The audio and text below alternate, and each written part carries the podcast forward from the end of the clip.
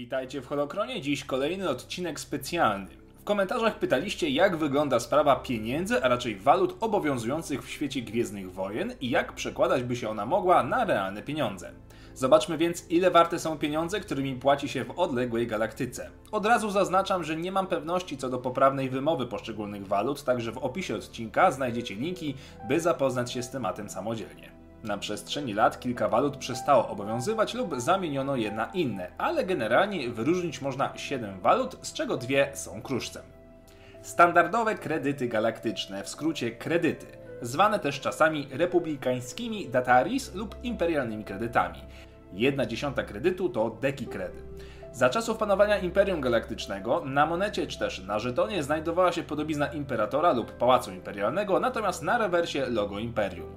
To najpopularniejsza waluta obowiązująca w większości znanych systemów, odpowiednik naszego euro, ale oczywiście nie w wartości. O tym później.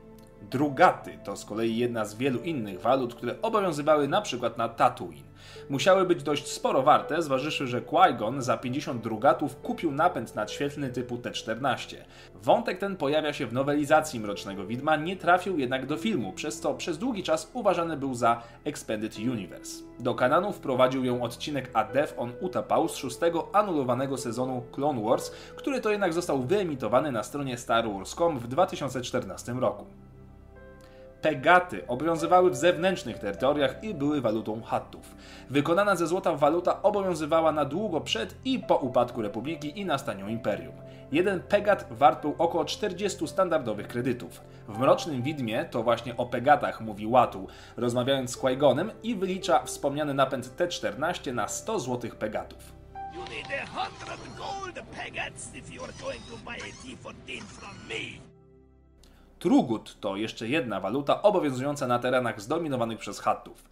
Jeden trugut wart był mniej więcej tyle samo, ile standardowy kredyt, a cztery truguty są warte około jednego pegata.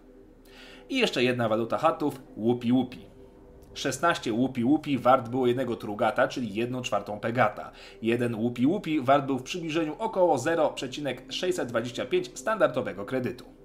Aurodium było wydobywane, czyszczone i przetapiane w sztaby, które obowiązywały na wszystkich terenach bezprawia, gdzie nie akceptowane były kredyty. Sam minerał był bardzo cenny na tyle, że część miecza Darth Sidious'a była wykonana z tego właśnie materiału.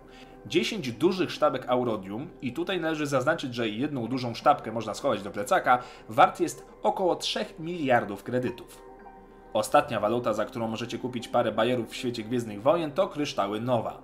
W pierwotnej formie są niestabilne i potrafią eksplodować, jednak przerobione i oszlifowane służą za elementy biżuterii, ale również jako elementy broni czy amunicji.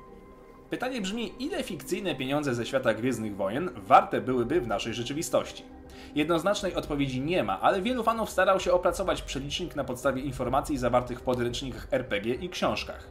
Niektórzy zakładali, że jeden kredyt to odpowiednik jednego dolara i w przypadku kupowania rozklekotanego statku za kilka tysięcy ma to sens.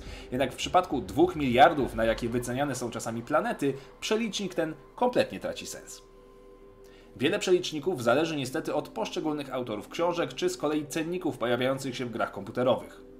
Najsensowniejszym przelicznikiem zdaje się być założenie, że jeden kredyt wart jest około 3 do 4 dolarów. Należy też pamiętać, że w świecie Gwiezdnych Wojen wystąpiła inflacja, która wspomniana jest w książce Bloodline, która czeka na polskie wydanie.